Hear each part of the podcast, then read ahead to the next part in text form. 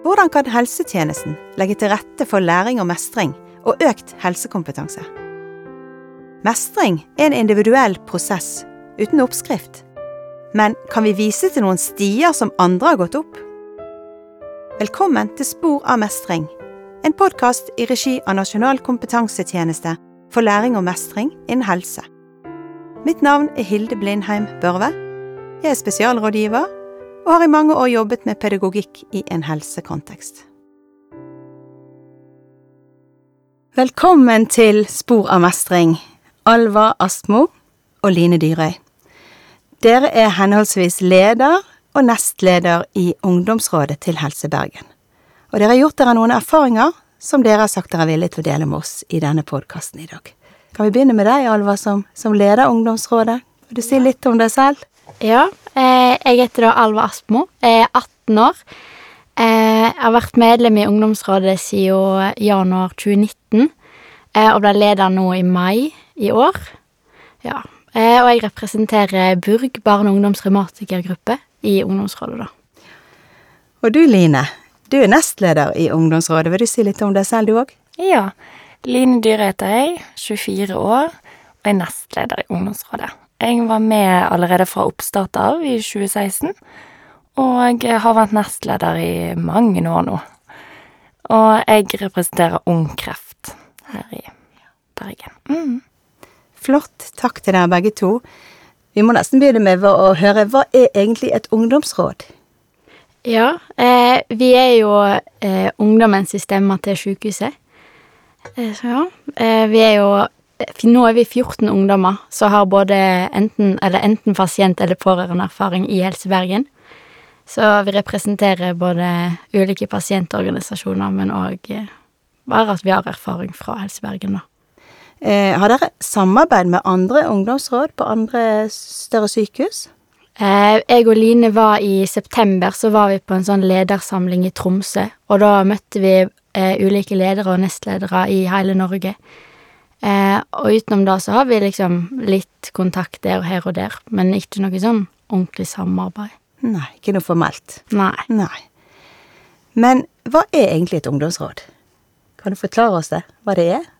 Du sa det er ungdommens stemme, Mm. men bortsett fra det, hvordan kan dere være den stemmen? Hva gjør dere i et ungdomsråd? Eh, vi holder jo ulike presentasjoner og kurs for eh, helsepersonell og ledelsen på sykehuset. Og så sitter vi i ulike prosjekt. Eh, for eksempel byggeprosjekt i Glassblokkene 2 sitter vi.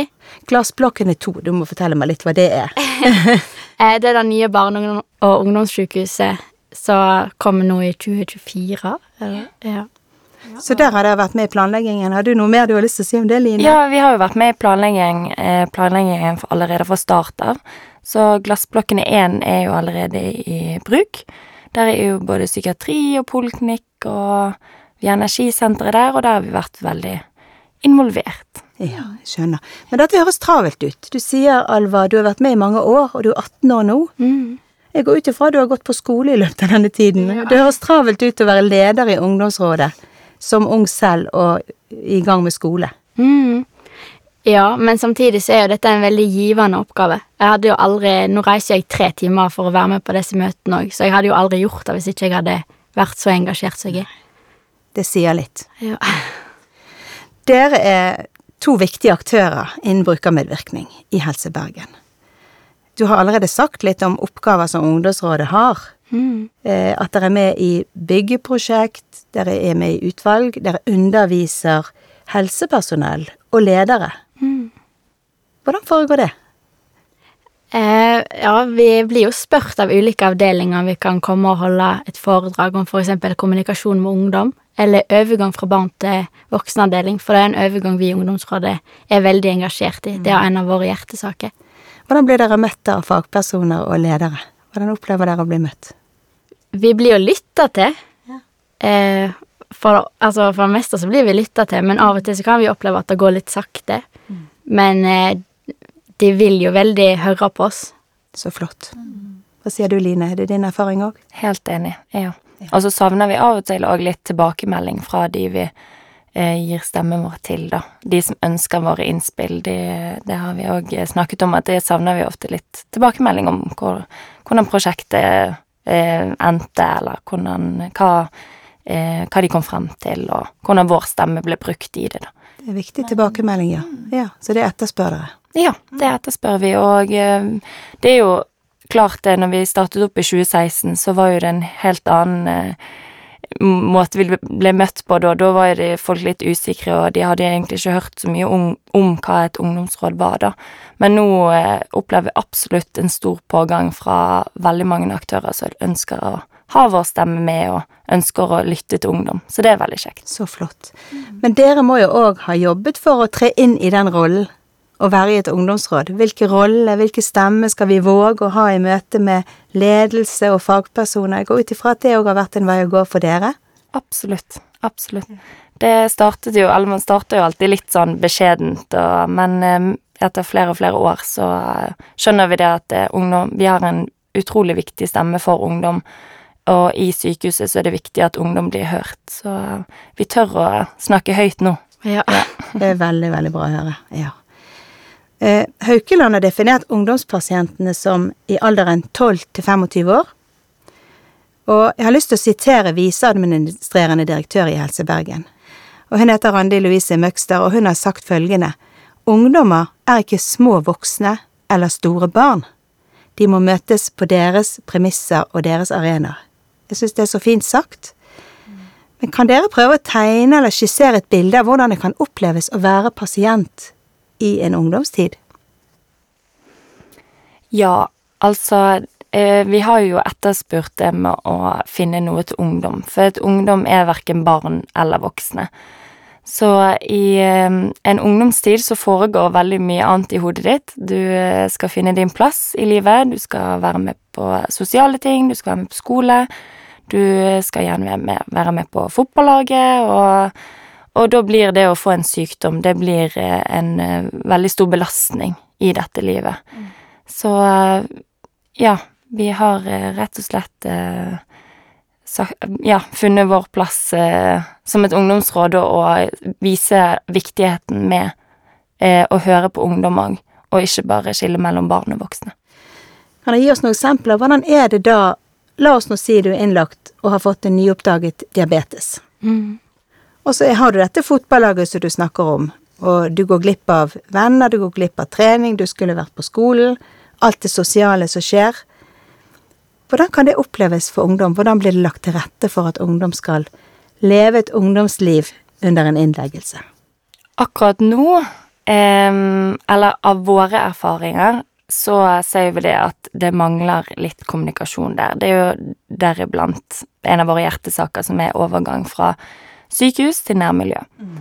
Da er det eh, rett og slett for dårlig, mener vi, eh, kommunikasjon mellom sykehuset til eventuelle lærere, trenere eh, eller andre eh, ting som ungdommen holder på med på fritiden. For det er tross alt eh, på fritiden og hjemme man lever, og ikke på sykehuset. Mm. Så det er jo det vi jobber mye med, å skape gode overganger der, og å eh, gjøre til at ungdommen kan først og fremst leve hjemme, og ikke tilknyttet da, til sykehuset og mm. behandlingen. Mm. Og nå snakket du om fritidsaktiviteter, mm. at de har behov for kjennskap til hensyn som skal tas, mm. eller ikke tas. At en skal bare ikke legge merke til så mye. Det kan jo òg være en strategi. Absolutt. Men jeg tenker da overgangen til at fastlegen har ansvar, helsesykepleiere er gjerne koblet på. Mm slike aktører, mm. foregår det en kommunikasjon som er god der, eller er det også en fallgruve? Vi opplever jo det at det er fortsatt en fallgruve, dessverre. Um, vi savner jo fortsatt kommunikasjon der, noe som absolutt bør være mye mer enn det medisinske, men òg det um, ja, det praktiske, da, for ungdommen. At uh, gjerne helsesykepleieren kan komme på skolen og forklare klassen, eller forklare læreren hva hensyn Alva eller Line trenger i møtet når de kommer tilbake fra behandling eller tilbake fra sykehuset. Mm. Så um, det er absolutt en uh, ting vi jobber med og savner mm. den dag i dag. Det er én type overgang. Og så har vi den overgangen fra en trygg barne- og ungdomsavdeling der det blir tatt hensyn til at jeg er barn eller ung, og så skal han plutselig overføres til en voksenavdeling. Når foregår det i Helse Bergen? Når blir man såkalt voksen og blir innlagt på en voksenavdeling? Akkurat nå så har jo det økt til 18 år. Før var jo det bare opp til 16. Em, så det har vi i ungdomsrådet fått vært med på òg, å øke aldersgrensen. Så det har dere påvirket. Mm. I lag med sykehuset. Så det, det er vi stolte av. Ja. Ja. Men allikevel så er jo den overgangen han er veldig brå. På barneavdelingen så kan de jo de kan forberede deg med at du, kommer, eller at du nå skal du på voksenavdeling, mens på voksenavdeling så blir du litt forlatt for deg sjøl. Du, du har jo ikke samme rettighetene for å ha med mamma eller pappa på den legesamtalen. Nei. Og så er man innlagt sammen med voksne, Voksne. i alle aldre, og kanskje deler rom med, så den overgangen kan bli stor. Ja. På en barne- og ungdomsavdeling så vet jeg at det er masse tilbud.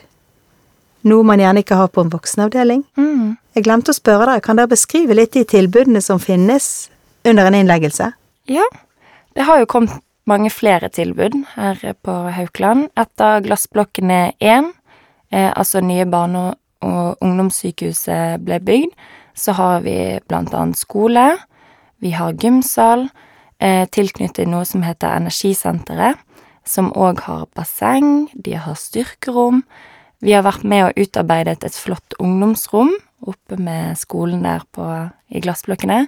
Så flott. Ja, og så um, er det vel andre ting, Alva? Er det, det er klatrevegg der òg. ja. Og så har det kommet en sånn energisti. Så nettopp er, Eller den ble åpna i fjor, tror jeg. Hva er det for noe? En energisti? Da er det satt eh, ulike QR-koder rundt om på sykehuset. Og så er det, det er en slags quiz, da. Så da når du skanner dem, så skal, og så skal du svare på et spørsmål, og så skal du videre til neste. Er det noe som dere har foreslått dette òg? Ja, vi er tre ungdommer fra ungdomsrådet som har vært med og laga den. Så flott arbeid. Ungdomsrådet, som dere er del av, skal bidra til at det tilbys ungdomsvennlig, en ungdomsvennlig helsetjeneste, som det heter. Og dere representerer de unge ved å gi innspill og tilbakemeldinger til ledelsen i Helse Bergen. Vi snakket litt om det i sted, men litt tilbake til det spørsmålet. Blir dere lyttet til? Og kan dere komme med noen eksempler på der dere faktisk er blitt lyttet til? Ja, som nevnt så er det blant annet ungdomsrommet eh, i glassblokkene. Det har blitt et rom knyttet til at ungdom skal få lov til å ha besøk på sykehus. De skal få lov til å ha venner og familie der. De kan feire bursdagen sin der. De skal på en måte ha en litt sånn voksenfri sone, eller behandlingsfri sone. Eh, men det skal liksom være en plass der behandlere eller sykepleiere eller leger ikke skal være med, da. Så skal du få lov til å ha et eget fristed for å glemme litt den sykehushverdagen. Så det, ja, det er blant annet én ting vi har vært med. Mm. Så vi har vært med å øke aldersgrensen på overgang fra barn til voksenavdeling til 16, eller fra 16 til 18. Ja, det er jo et flott tiltak. Ja. Mm. Ja, og så er det jo glassblokkene, da. Der har vi jo fått vært med å utforme litt eh, hvordan rommene for eksempel skal være. At det skal være enkelrom og ikke dobbeltrom og sånn. Um, ja, og litt sånn Mm, vært litt med i kafeteriaen i nye glassblokkene to. Litt interiør. Eh, testet litt stoler. Det er mye som, mye som ser fint ut, som ikke er så behagelig å sitte på, så der har vi vært med.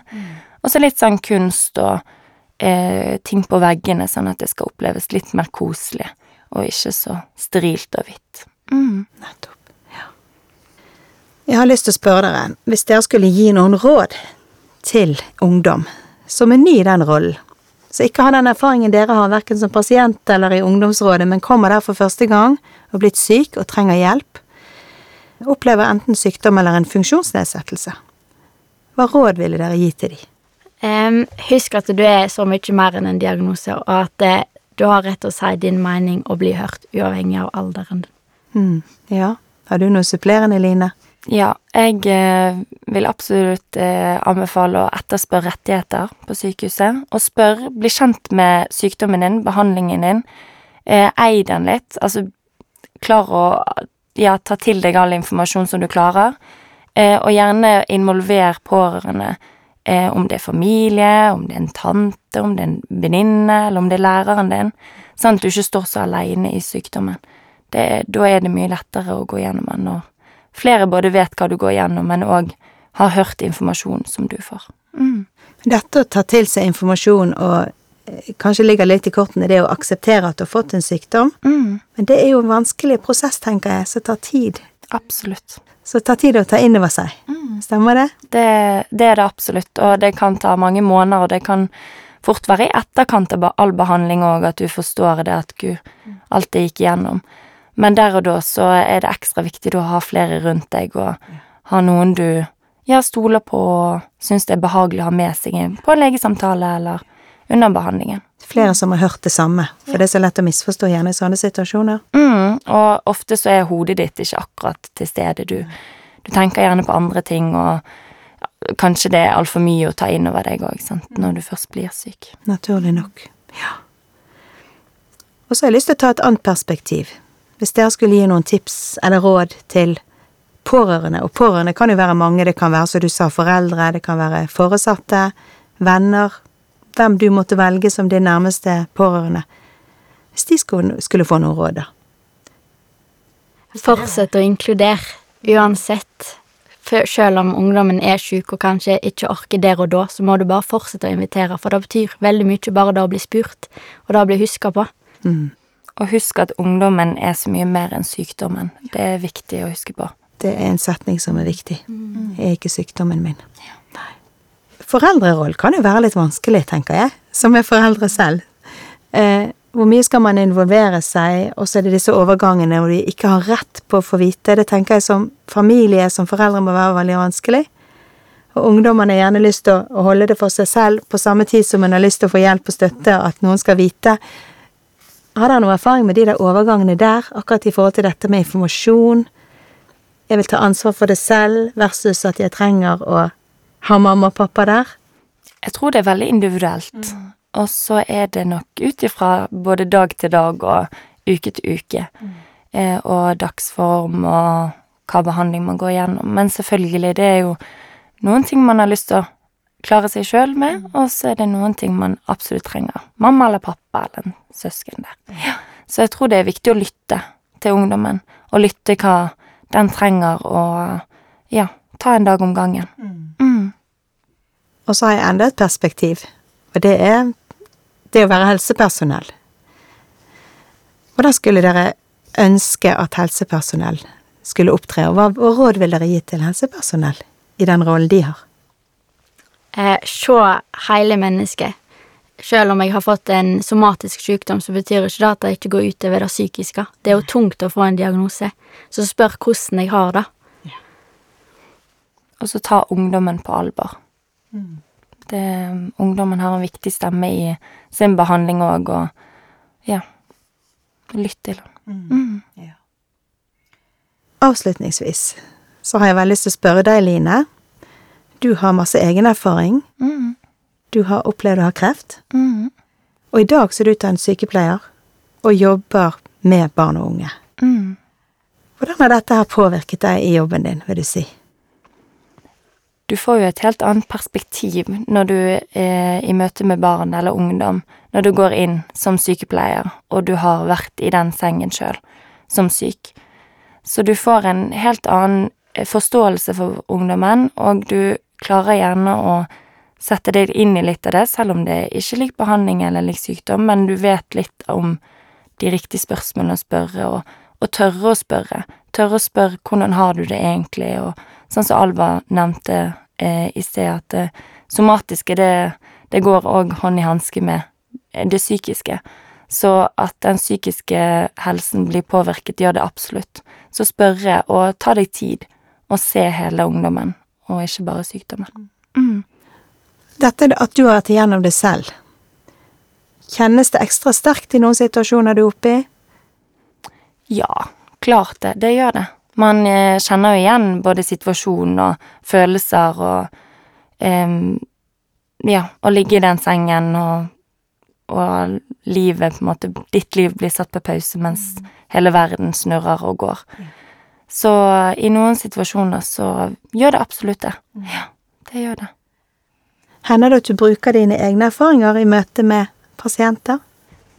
Til nå så, eh, fra mitt perspektiv som sykepleier, så har jo jeg det, uten å eh, delt altfor mye. Men eh, jeg kjenner det i mange situasjoner, så kunne jeg delt eh, mine erfaringer med eksempel pårørende med å si små setninger som jeg kan forstå hvordan dere har det, og em, jeg har vært der sjøl i den sengen, og det kommer til å gå bra, og, og skape et håp for dem, da. Ja. Det må være fantastisk å høre, enten som den som ligger i sengen, eller de pårørende, Absolutt. og se at her står du, Mm. og her jobber du, og det har gått bra. Det Ja. håpet det representerer. Ja, for håp er viktig i både sykdom og behandling. Mm. Og du, Alva, du er i en litt annen situasjon. Mm. Du lever med en langvarig helseutfordring, så du må ta hånd om hver eneste dag. I motsetning til deg, Line, som har gjennomgått en behandling og blitt frisk, som du fortalte. Jeg har lyst til å høre litt mer med deg, Alva. Eh, Du holder på med skolegang nå, Mm.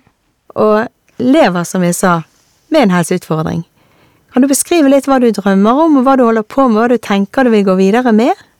Ja, eh, akkurat nå så går jeg jo påbygg. Jeg har nettopp eh, blitt ferdig med helse, og jeg har veldig lyst til å jobbe innen helse, og har veldig lyst til å jobbe på sykehus. Eh, så til høsten så har jeg veldig lyst til å begynne på ergoterapi, etter at jeg møtte en eh, veldig flink ergoterapeut på Haukeland.